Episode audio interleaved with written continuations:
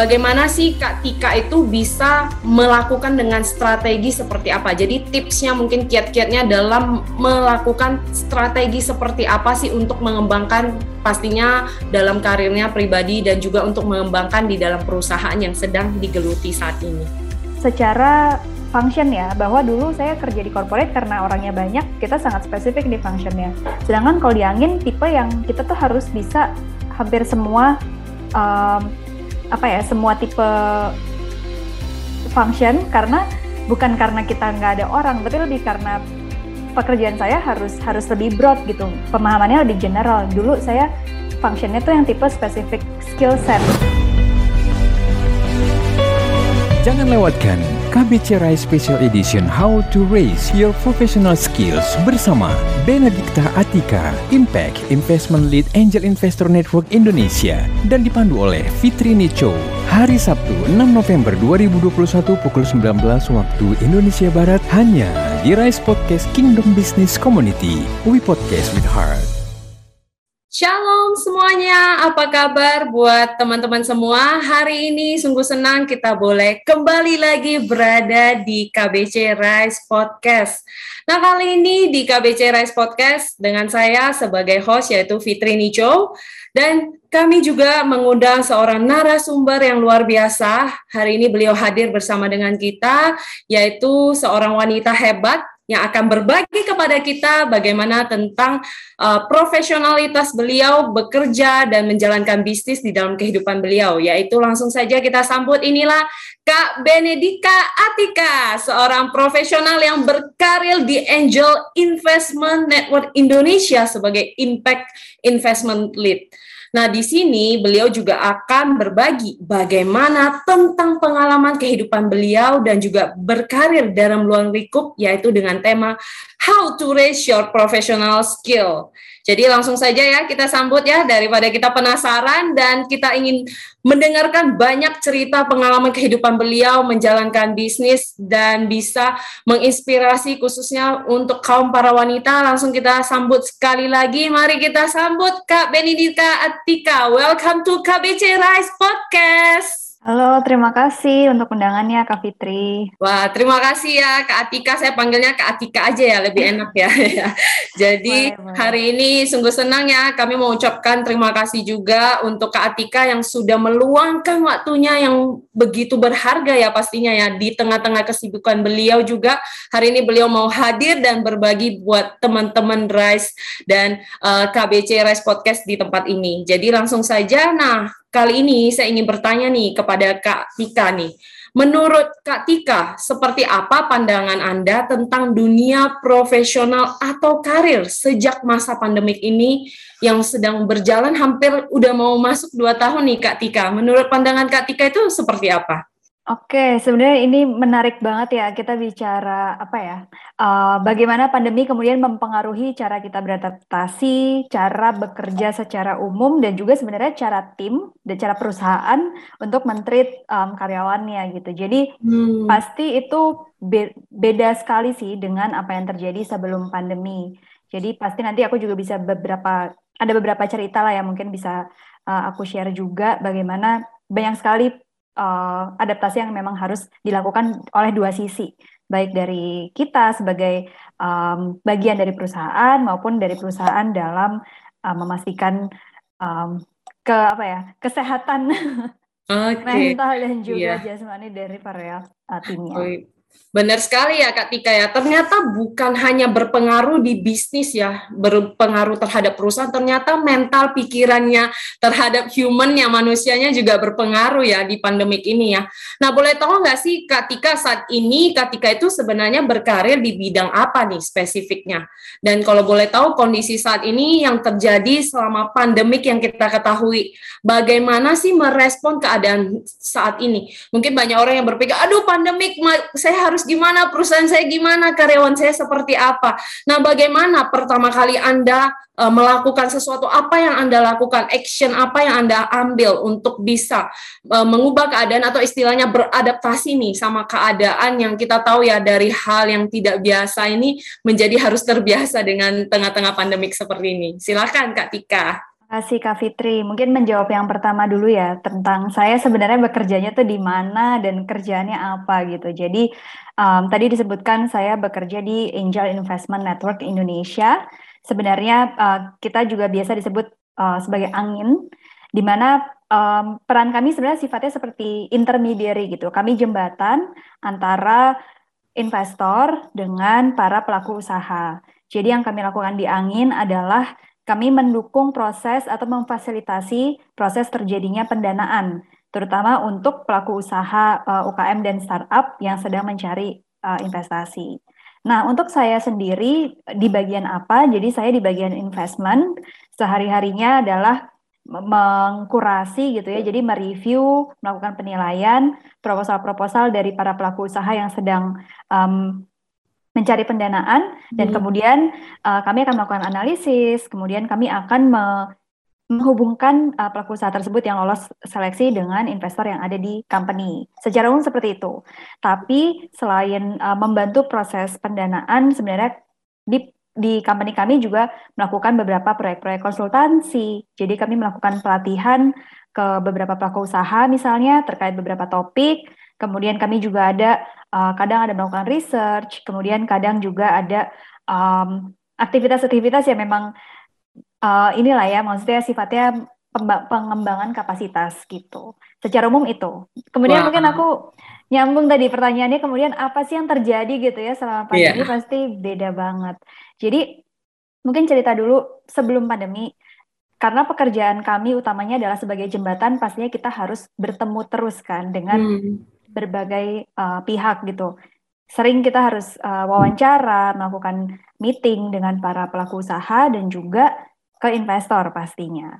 Dan dalam proses-proses pasti ada um, seperti dalam proses analisis gitu ya, pasti kita akan melakukan site visit, misalnya, oh ada pelaku usaha uh, punya proposal sekian, ternyata kita tertarik untuk untuk melihat lebih lanjut, pasti kita harus klarifikasi beberapa hal Salah satunya dengan misalnya mendatangi kantornya, kemudian misalnya uh, harus ngecek ketemu sama interview usernya gitu, benar nggak sih uh, ini customernya dan lain-lain. Itu yang bisa kita lakukan dulu saat masih mudah bertatap muka hmm. gitu. Tapi kemudian ketika terjadi pandemi, wah itu banyak sekali proses kerja yang memang harus disesuaikan. Jadi tentunya nggak nggak bisa lagi kita one on one uh, tatap muka pada akhirnya itu kita ganti secara digital secara online. Secara umum nggak ada masalah sih, cuma nanti saya bisa cerita sedikit tantangannya kemudian apa, kemudian tidak hanya dari segi um, engage dengan investor ataupun engage dengan pelaku usaha, tapi saat kita melakukan pekerjaan sehari-hari pun ada beberapa dinamika internal yang harus disesuaikan antara tim member gitu. Mungkin saya berhenti di situ dulu kalau ada pertanyaan lebih lanjut Kak Fitri. Wow, luar biasa. Ternyata dampaknya itu berpengaruh ya Kak Tika ya. Dari yang mungkin selama ini onsite kita tatap muka, bisa berbicara langsung, akhirnya mau gak mau kita harus mengubah keadaan di mana onsite. Nah Kak Tika, sebenarnya ada nggak sih dampak atau langkah yang tadi mungkin Kak Tika sempat sampaikan nih ya.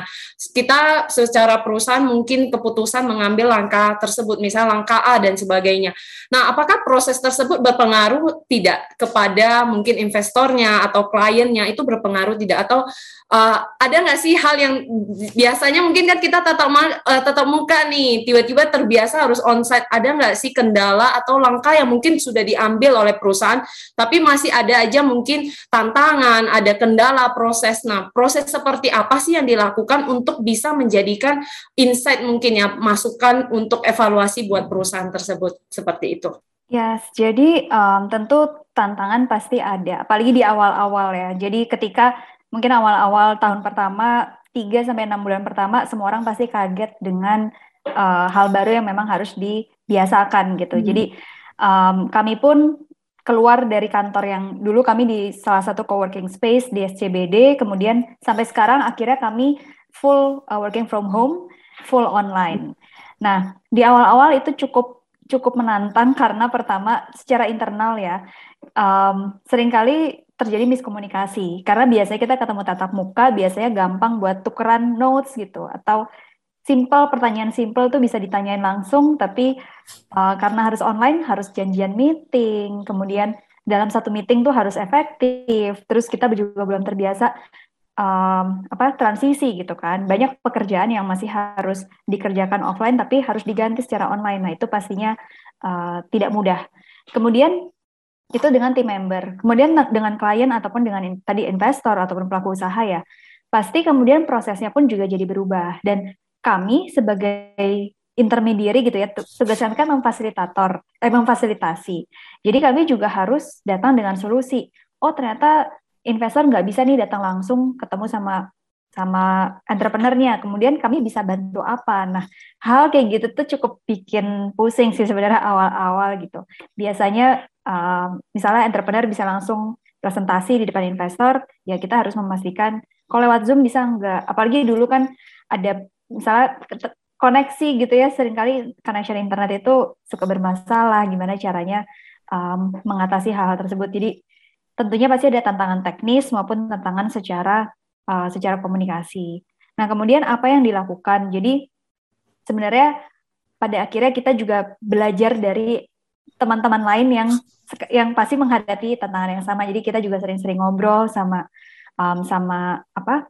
Mungkin investor lain atau program program implementer lain. Biasanya mereka gimana sih? Kita belajar oh ternyata event online itu paling baik diadakan kapan, atau misalnya event online itu paling baik cara mengadakannya seperti apa, itu juga akhirnya kita harus uh, banyak belajar. Nah, tapi sebenarnya yang juga menarik adalah tentang pengembangan diri dari setiap karyawannya. Jadi, seperti yang tadi aku ceritakan, pertama, Angin kan udah nggak punya kantor, kita udah full online, sekarang malah jadinya uh, tim member yang baru join, mereka juga tinggalnya bisa di mana pun. Jadi, kita malah membuka kesempatan buat um, mungkin selama ini teman-teman yang ya masa harus ke Jakarta buat kerja bareng kita tapi ternyata malah jadi bisa uh, kerja bareng gitu dengan dengan konsep remote working. Kemudian yang kedua juga tentang uh, hadir acara atau kita dapat dapat engage dengan um, klien internasional terus juga um, dapat training dari pihak-pihak yang mungkin selama ini kita nggak kepikiran kita akan bertemu. Jadi karena konsep remote working terus kita bisa selalu online, justru kita uh, jadi dapat project-project dari klien internasional yang mungkin sebelumnya tuh nggak kepikiran karena sebelumnya masa harus berangkat ke hmm. ke negara sana gitu. Tapi ternyata karena karena remote working sekarang udah normal, jadi malah sudah terbiasa juga gitu. Terus juga contohnya kayak kesempatan seperti ini kan, kayak aku, aku bisa hadir di sini dengan teman-teman. Kalau mungkin kalau dulu offline nggak kepikiran gitu, kita bisa bisa ketemu. Jadi itu sih uh, pembelajaran yang paling menarik sebenarnya.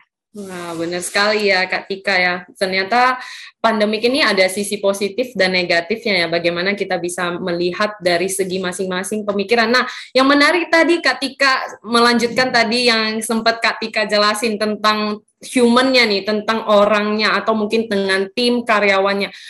Apakah ada mengalami nih? Maksudnya kalau mental health itu pasti terjadi ya kebiasaan yang tidak. Aduh biasanya ketemu Kak Tika tiba-tiba tidak bisa ketemu atau biasanya ketemu klien saya jadi malah kesusahan sebagai mungkin tim atau staff tidak bisa bergerak ke mana saja harus secara virtual. Nah ada nggak sih titik di mana para tim ini mengalami kendala atau sempat curhat nih, aduh ketika kami tidak bisa bekerja seperti ini dan sebagainya dan bagaimana sih sebuah perusahaan dari timnya Kak Tika meresponi mereka atau mensupport mereka untuk mereka juga ayo mungkin mengubah kebiasaan yang biasanya tidak terbiasa dengan dunia digital harus mengubah diri masuk ke dalam dunia digital. Silakan Kak Tika. Iya, benar banget sih. Jadi um, pasti ada fase-fase di mana burnout gitu. Karena kan kalau kita online, mungkin teman-teman yang lain juga sering sering mengalami ya bahwa nggak jelas kan jam kerjanya. Terus um, ya setiap orang kan juga punya pace kerja beda-beda. Kalau dulu di kantor mungkin jelas gitu, oh kita harus hadir di kantor, range-nya mungkin jam 8 sampai jam 9 pagi. Tapi sekarang kalau di rumah, ya kadang kalau nggak ada meeting jam 10 pagi, belum tentu orang mulai kerja di jam itu gitu. Jadi um, pertama tuh ada yang overwork jadinya. Um, jadi working hour-nya terlalu panjang karena mereka nggak bisa membatasi, termasuk saya kadang nggak bisa membatasi um, jam jam buka sama jam tutup tuh harusnya jam berapa. Nah terus yang kedua kesulitannya juga karena tadi tipe kliennya jadi berubah, jadi di mana kita juga jadi um, serving klien-klien internasional ada perbedaan time zone kan jadinya dan kita pun jadi harus fleksibel gitu ya ya kalau ternyata mereka baru bisa uh, meetingnya malam ya jadi kita harus mengikuti. Nah, kadang kita belum bisa adaptasi dari sisi working hour kita biasanya. Jadi ya itu jadi overwork itu lagi. Kemudian yang ketiga um, ini sih masalah apa ya tektokan informasi gitu. Kadang jadi awal-awal tuh banyak miskom juga karena misalnya um, selama ini informasi kecil kita harus harus apa? Eh, maksudnya kita bisa tanya simple gitu. Cuma kalau sekarang karena harus intentional, kadang kalau wah apa-apa di WhatsApp, kadang kita juga burn sendiri kan. Aduh, baik banget yang ngajak ngomong nggak bisa kerja gitu. Jadi ya pasti secara mental itu sangat berpengaruh juga. Dan akhirnya tipsnya apa? Jadi kita juga sering ngingetin satu sama lain. Sebenarnya ini tidak formal ya, bukan yang kayak oh harus dijadwalin oleh company, tapi lebih kayak kesadaran untuk saling mengingatkan jangan lupa istirahat ya, atau eh sorry banget nih aku baru bisa buka um, kerjaannya nanti jam segini, tapi nanti aku respons gitu. Terus kadang aku sendiri tipe yang bukan morning person. Jadi to be honest, kalau aku disuruh kerja pagi atau meeting pagi, aku nggak bisa mikir. Jadi kadang aku akan pindahin jam kerja aku yang pagi aku agak sorein atau malam, tapi aku akan bilang ke teman aku, please dibacanya besok aja. Jadi having this uh, apa ya hmm, kesadaran dan kita juga mindful jangan sampai ganggu istirahatnya orang uh, itu juga membantu buat saling saling menjaga satu sama lain sih sebenarnya. Wow, luar biasa ya Kak Tika. Yang saya tanggap ini luar biasa bahwa perusahaannya juga memiliki rasa kekeluargaannya. Jadi benar-benar pay attention buat tim juga. Jadi kita nggak hanya soal bekerja, tapi bagaimana kita saling mengingatkan, memiliki rasa kekeluargaan untuk bisa bekerja itu juga uh, nyaman dengan full heart jadi tidak terpaksa ya dan saya setuju tadi kalau Kak Tika sempat bilang bahwa kadang pagi itu emang kadang pikiran kita agak sedikit susah untuk nyambung ya malah kadang malam itu lebih lebih masuk gitu ya Kak Tika ya. Kita kayak lebih gampang. Kayaknya otak itu lebih cepat proses mikir banyak ide itu keluarnya di saat malam. Padahal sebenarnya waktunya untuk istirahat. Jadi luar biasa ya buat para Riset Podcast kali ini uh, sharingnya Kak Tika ini benar-benar bermanfaat banget buat setiap kita yang hadir. Jadi yang mendengarkan juga semoga kita bisa belajar dari yang mungkin biasanya kita harus on-site, kita harus tatap muka, dan akhirnya berubah dalam dunia digital. Dan inilah tips yang juga tadi sempat Katika bagikan. Jadi bukan hanya soal bagaimana grow the company, tapi bagaimana juga kita support tim kita untuk uh, humannya juga agar mental health-nya juga baik ya, normal juga secara kekeluargaan. Nah, buat Anda semua para uh, KB, KBC Rise Podcast, kali ini kita akan mengadakan break sejenak. Jadi nanti kita akan kembali lagi untuk melanjutkan sesi kita bersama dengan Katika untuk menguras habis ya. Wah, menguras habis nih ya, nggak menguras sampai segimana ya. Tapi bagaimana kita mau cari tahu, mengenal lagi apa sih tips-tips dan bahkan apa yang bisa dibagikan oleh Katika buat kita para pendengar Rise Podcast yang ada di tempat ini. Langsung saja kita akan break sejenak.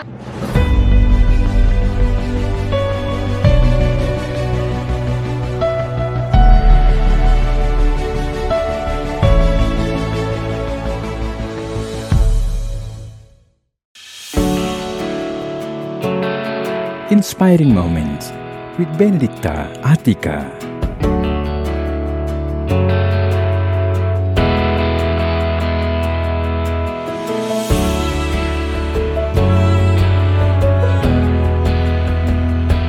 She educate, incubate, and empowering people and women for better future.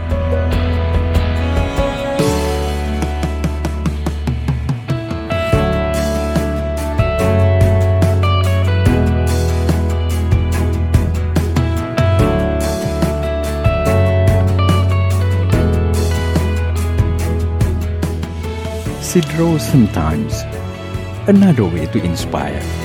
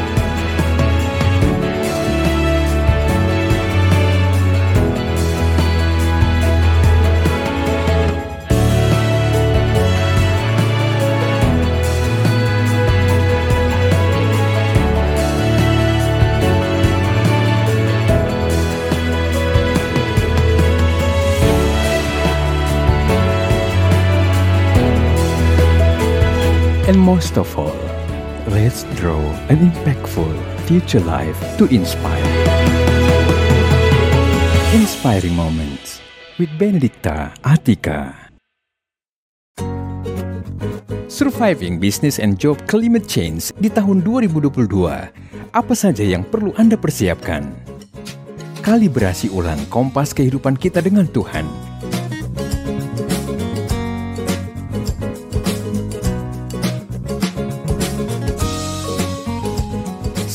Kita sedang berjuang.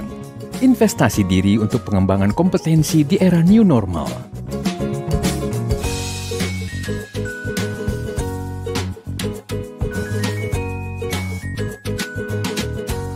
Semua kita sedang belajar, saling peduli, dan berbagi dalam ekosistem dunia kerja.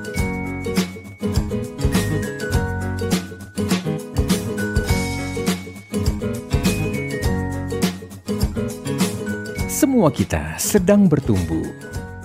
Bertumbuh dalam kebenaran, bertumbuh dalam keahlian, bertumbuh dalam kepedulian.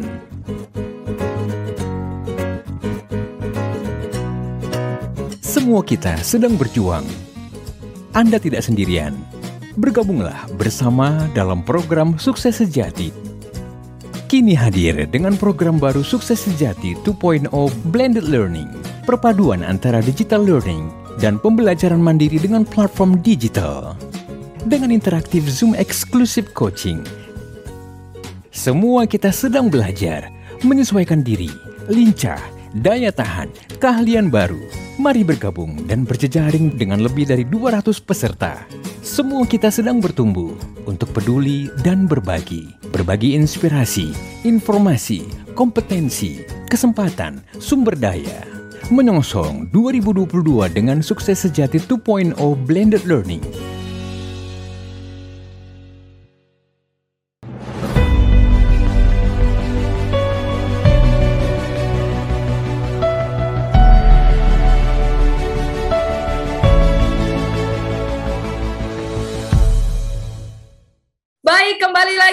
saya Fitri Nico selaku host di Rise Podcast kita. Jadi di KBC Rise Podcast with Podcast with Heart. Nah, bersama langsung dengan narasumber kita lagi Kak Benedikta Atika yaitu Impact Investment Lead Angin.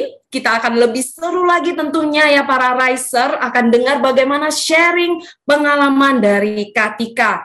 Nah, Katika kita akan lanjut lagi di sesi saat ini uh, saya mau bertanya nih, kalau di tadi kita udah sempat bahas tentang company-nya bergeraknya di bidang apa, bagaimana dengan human-nya, dengan tim dan sebagainya.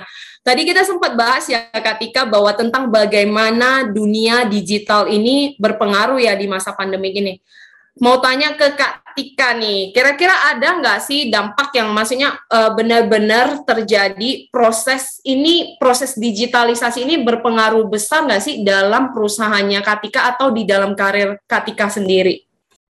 Sebenarnya pasti berpengaruh besar ya, karena jadinya kita terpaksa terpaksa untuk harus harus go digital gitu. Walaupun memang uh, company saya termasuk yang udah cukup udah cukup melek lah ya dengan beberapa fitur-fitur digital yang sesimpel misalnya kita bisa pakai sharing folder dan seterusnya.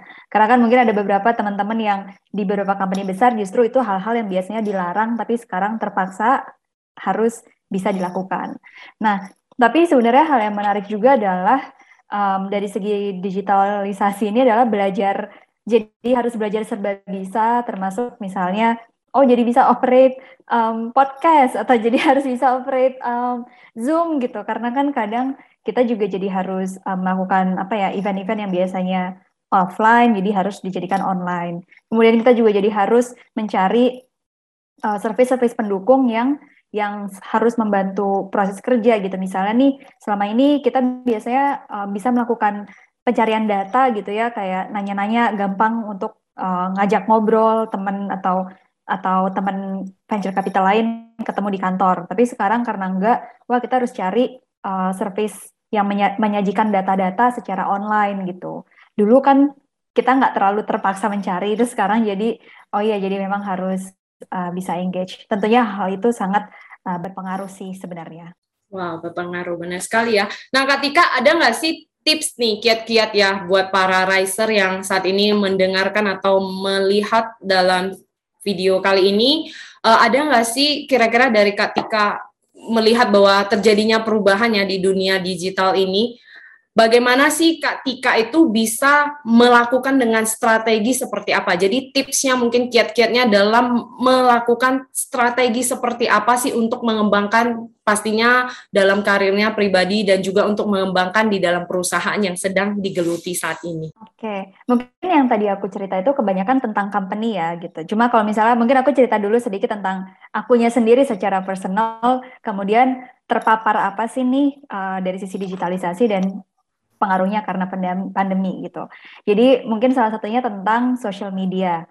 Jadi uh, dulu aku termasuk waktu awal banget termasuk yang sangat aktif social media, tapi kemudian setelah udah udah uh, kerja yang di company ini jadi nggak terlalu aktif banget gitu ya karena ya udah udah sibuk kerja juga gitu. Tapi kemudian uh, ketika ketika pandemi jadi jadi harus terpaksa kasar ya terpaksa jadi harus aktif karena pada akhirnya cara kita showcase apa yang kita lakukan jadinya di sosial media. Karena kan kita nggak ketemu siapa-siapa lagi anyway kan gitu. Jadi um, secara personal aku jadi harus lebih wise dalam menggunakan sosial media aku. Karena dulu misalnya aku sering banget uh, memisahkan lah kehidupan kehidupan personal dengan kehidupan profesional di sosial media. Misalnya oh kalau LinkedIn eh kalau mau ngomongin kerjaan aku sebagai angin itu orang-orang biar lihatnya di LinkedIn aja atau juga kita ketemu di kantor. Tapi sekarang kan karena kita nggak ketemu pada akhirnya orang kalau mau tahu tentang aku mereka akan googling dan akan muncul semua eh, hal-hal uh, yang yang pernah adalah jejak rekam jejak digital aku pasti bisa dibaca semua. Jadi ya jadi harus lebih mindful tentang uh, apa sih yang yang harus muncul di publik dan apa yang uh, mungkin tidak perlu Nah, tapi itu sebenarnya juga nggak selalu jadi hal yang buruk. Jadi mungkin ini nanti juga arahnya ke tentang strategi ya, bahwa ya nggak masalah kita juga juga jujur kepada publik apa yang terjadi kita sebagai personal gitu. Karena kadang um, sempat ngobrol juga ke beberapa teman-teman yang yang sangat aktif sebagai um, salah satu influencer misalnya atau atau mereka memang social media aktivis gitu. Mereka terkadang capek pada akhirnya capek mikir mau ngepost apa karena nggak mau dijudge di social media. Tapi seiring sekarang kayak kita juga ngobrol-ngobrol ya sebenarnya it's okay juga to be honest with yourself dan juga with the public. Sebenarnya sisi sisi humannya itu sebenarnya ya mungkin bis, ya nggak apa-apa gitu uh, for some parts uh, muncul juga. Jadi mungkin itu cerita dari sisi itu ya dari sisi aku personal. Nah kemudian tadi hubungannya kemudian apa sih tips atau uh, kiat-kiat dan solusinya? Um, sebenarnya ya itu tadi sih ketika kita bisa lebih wise dan lebih lebih mengenal diri kita tuh mau mau seperti apa sih gitu.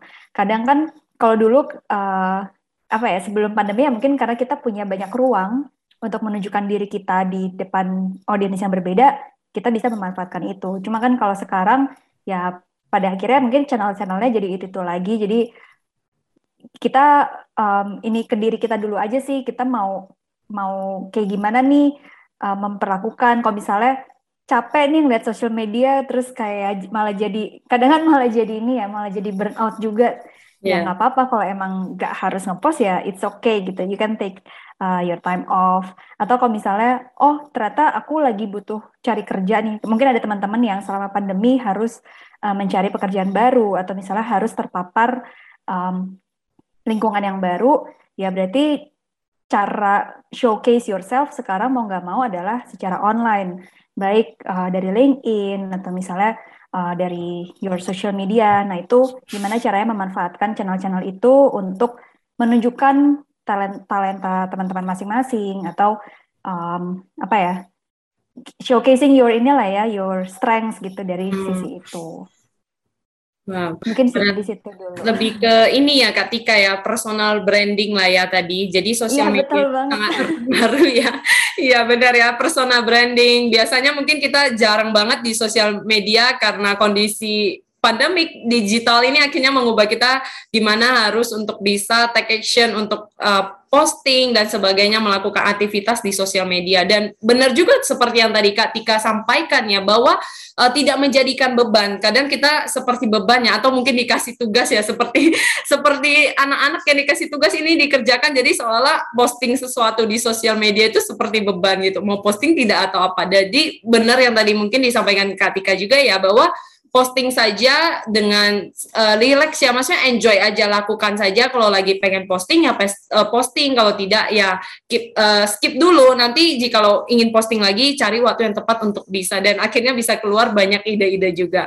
Oke okay, nah Tika ada satu lagi nih. Mungkin buat para riser dan podcast listeners juga bahkan buat saya sebagai host saya juga penasaran nih. Kak Tika ada nggak sih suka duka yang pernah Kak Tika alami dari proses transisi dari karir Katika sebelumnya menjadi uh, Kak Tika yang sekarang atau di profesi karir yang saat ini? Uh, jadi terkait suka duka dan tantangan pasti ada, terutama uh, mungkin konteks juga bahwa karir suka duka ini juga bukan karena pandemi, karena kan saya di angin juga sudah uh, mungkin dua tahun sebelum pandemi gitu ya. Tapi uh, kita compare sama sebelum saya di angin. Uh, perubahan yang berbeda adalah konteks dari industri. Jadi dulu saya bekerja di corporate yang orangnya banyak sekali. Bisa satu corporate mungkin 100 lebih, bahkan ada yang uh, eh, 200 lebih lah. Kemudian um, konteks dari segi industri, di mana dulu saya bekerja di sektor yang data driven, mak maksudnya sangat number driven gitu. Dan juga um, dari segi tipe pekerjaan. Karena dulu pekerjaan saya sangat spesifik, jadi uh, very very detail. Nah, berbeda dengan apa yang kemudian di angin, pertama uh, secara size of the company itu beda sekali karena di angin itu tim kita kecil dan karena memang efisien dan kita juga nggak perlu tim gede-gede. Pastinya mempengaruhi um, cara approach suatu task dan juga um, managing the work. Nah, kemudian yang kedua dari segi sektor bahwa dulu saya ngurusin company-company TBK gede gitu kan yang company yang udah wah PT-PT besar. Kemudian sekarang di di angin saya engage dengan uh, pelaku usaha baik dari yang UKM, micro entrepreneur sampai startup yang global level. Jadi dari yang mungkin ada di rural area sampai yang uh, international gitu. Itu kan juga stakeholders yang beda banget.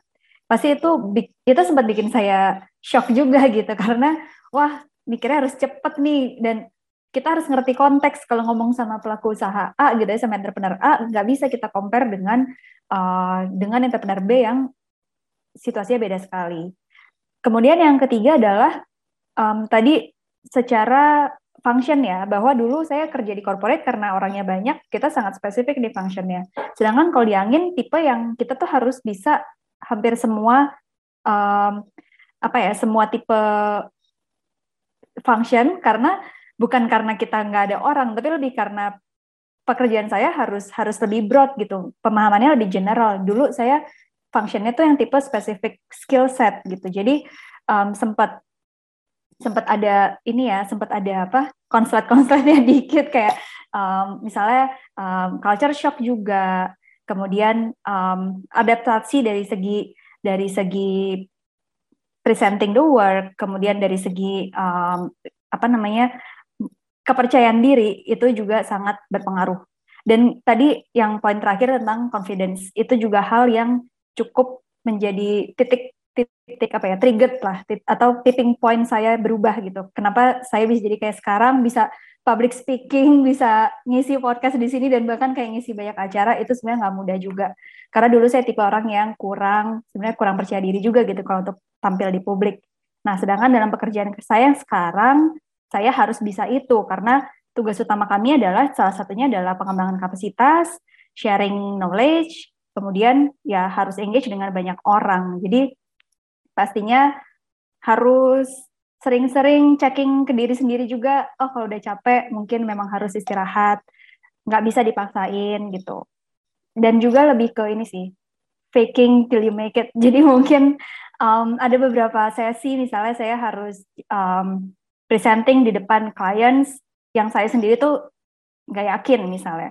misalnya saya nggak yakin dengan dengan kemampuan saya sendiri, tapi ya pada akhirnya kita harus harus kelihatan bisa kan gitu. Jadi ya di situlah banyak belajar juga dan pembelajaran utama adalah to listen sih, becoming a good listener. Karena ketika kita engage dengan klien, terutama dengan entrepreneur, itu um, kita bukan sebagai dokter kan buat mereka. Eh maksudnya kita bukan sebagai judging buat mereka, tapi kita harus bantu mereka kan sebenarnya gitu. Jadi ya itu termasuk menantang waktu awal-awal untuk tahu untuk balance gimana caranya kita bisa listen but also like giving advice ataupun giving support. Mungkin kira-kira seperti itu.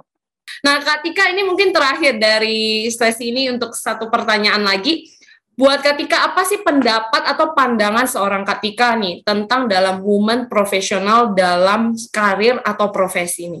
Dan bagaimana nantinya Katika juga bisa bagikan kepada para riser dan podcast listeners juga tentang closing statement yang Katika boleh sampaikan ke teman-teman yang mendengarkan hari ini. Ya, uh, pas banget sih tentang women ini ya, karena kami pun, maksudnya saya di company maupun saya pribadi juga memang cukup apa ya, cukup cukup peduli gitu ya gimana caranya um, perempuan bisa lebih berdaya uh, baik secara profesional maupun kalau di konteks kami kan dari dari lingkup kewirausahaan ataupun dari uh, sudut pandang sebagai investor gitu. Jadi sebenarnya um, pertanyaannya tadi tips atau maksudnya pendapat saya gitu ya. Ya tentang women profesional ini. Yes. Um, kebetulan yang menarik kalau di angin itu 99% karyawannya perempuan. Jadi jadi itu juga satu pembelajaran dan dinamika yang sangat menarik. Mungkin saya juga bandingin dengan lingkungan saya di uh, tempat kerja sebelumnya. Ini memang uh, kita merupakan bagian dari kelompok perempuan yang semuanya perempuan kuat, semuanya perempuan mandiri, dan semuanya perempuan berdaya. Tapi ternyata apa yang kita punya di tim kami itu tuh privilege gitu, karena ternyata banyak teman-teman kita yang uh, mungkin teman-teman pelaku usaha ataupun investor yang um, butuh butuh lebih lebih disupport gitu dalam uh, konteks yang lebih luas, terutama ketika karena mereka adalah perempuan. Jadi sering kali um, kami sering sering banget ada program untuk sharing ke pelaku usaha perempuan gimana caranya supaya bisa lebih confident eh, terutama misalnya oh saat berusaha uh, pelaku usaha perempuan pitching atau presentasi ke investor sering kali dilihat terlalu terlalu lemah lemah dalam arti kurang agresif gitu. Kalau ngasih ngasih apa promosiin peluang investasi kayak nggak menarik gitu. Nah jadi uh, kita sering kali harus membangun kepercayaan diri tersebut gitu. Kenapa sih uh, perempuan itu harus lebih lebih percaya diri sih jatuhnya? Bukan karena mereka tidak agresif, tapi lebih karena perempuan cenderung lebih realistis, membuat mereka kurang bisa menunjukkan um, apa ya, menunjukkan peluang yang mereka nggak yakin Nah, jadi uh, mungkin itu satu kunci bagaimana sebagai perempuan baik di dunia profesional maupun misalnya sebagai entrepreneurs, yaitu harus um, harus confidence sih. Dan mungkin kalau di women di professional life gitu ya, itu juga gimana supaya women tuh bisa lebih speak up misalnya.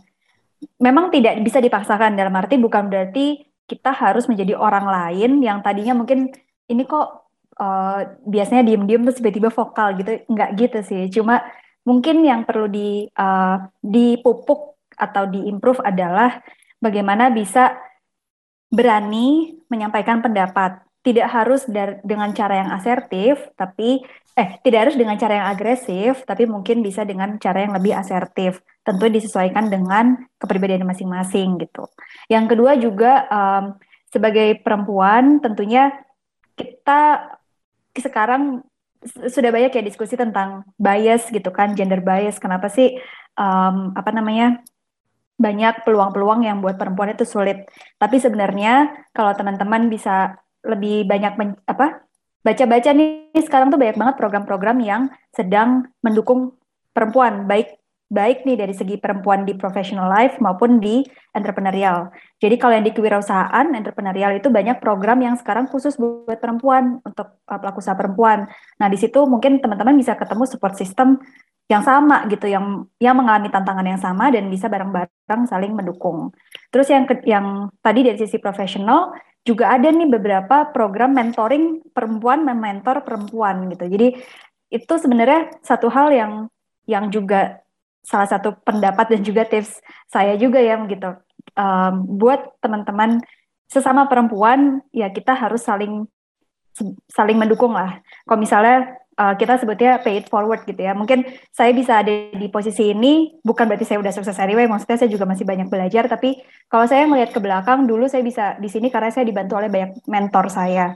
Nah, cara saya adalah juga bantuin teman-teman yang lain yang mungkin butuh bantuan, butuh dukungan uh, ya mudah-mudahan kita bisa tumbuh bersama gitu. Jadi ya sebagai sesama perempuan mungkin itu yang bisa kita lakukan bareng-bareng. Wow, luar biasa sekali ya. Ternyata benar ya. Jadi berdampak banget ya, bukan hanya kaum pria, bukan di sini perbandingan ya. Pastinya tadi Katika sampaikan bahwa wanita juga sebenarnya bisa ya menjadi seorang woman profesional. Jadi di bidang masing-masing bagaimana bisa juga menginspirasi apalagi saat ini zaman sudah berubah dan kaum wanita itu juga sangat uh, didukung ya untuk bisa terus berkarya dan saling support untuk bisa menjadi para wanita-wanita inspirasi. Nah, Katika untuk closing statement nih buat para riser dan podcast listener yang sudah mendengarkan selama hampir durasinya ini hampir setengah jam lebih ya bahkan udah mau satu jam. Nah kira-kira apa sih closing statement yang Katika ingin sampaikan kepada teman-teman di sini yang mendengarkan? Silakan Katika. Um, ya mungkin buat teman-teman di sini dengan situasi yang serba belum jelas gitu ya, maksudnya dengan ketidakpastian yang mungkin lebih tinggi dari biasanya, saya ingin apa ya ya kita saling mendukung satu sama lain. Kalau teman-teman um, juga dalam konteks pekerjaannya sedang sulit atau gimana please hang in there. Uh, we can do it together. Kalau misalnya butuh bantuan or anything uh, selalu ini ya maksudnya selalu be aware with yourself gitu. Kayak tadi kita ngomongin kesehatan mental jadi be honest with yourself if if you need any help if atau misalnya butuh dukungan dari teman you can just uh, reach out to the one you are trusted. Itu aja sih paling Wah, terima kasih untuk Katika, luar biasa sekali untuk closing statementnya ya. Saya juga sebagai host, sebagai wan kaum wanita juga sangat mendukung ya. Jadi kita wanita juga perlu berkarya, menginspirasi terus dan juga buat para riser dan podcast listeners saat ini yang mendengarkan. Jadi Anda juga bisa belajar dari beberapa tips yang tadi sudah dibagikan oleh Katika dan juga bagaimana mereka bisa dari hal yang tidak biasa menjadi terbiasa. Bagaimana mengubah setiap keadaan yang selama pandemik ini mungkin dengan beradaptasi dengan tim dengan perusahaan dengan karir yang bisa membuat mereka juga menginspirasi banyak orang. Dan sekali lagi kita mengucapkan terima kasih untuk Katika. Semoga kita boleh hadir lagi buat para riser dan para podcast listeners untuk di sesi berikutnya. Kita akan hadirkan lagi para narasumber yang luar biasa untuk berbagi dan untuk bisa menginspirasi setiap kita yang mendengarkan dan menyaksikannya. Terima kasih. Sampai jumpa di episode berikutnya.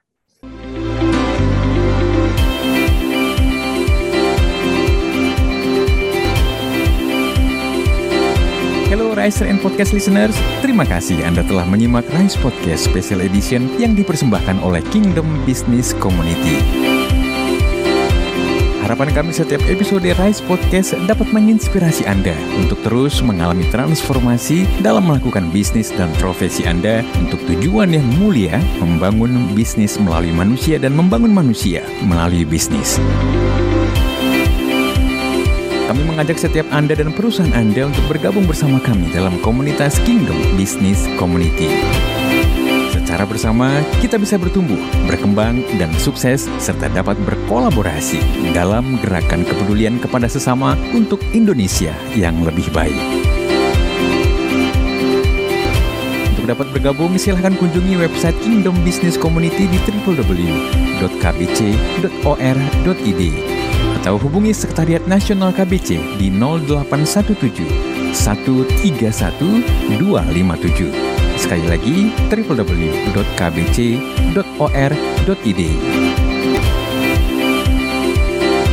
Rise Podcast Kingdom Business Community. We podcast with heart. Sampai jumpa.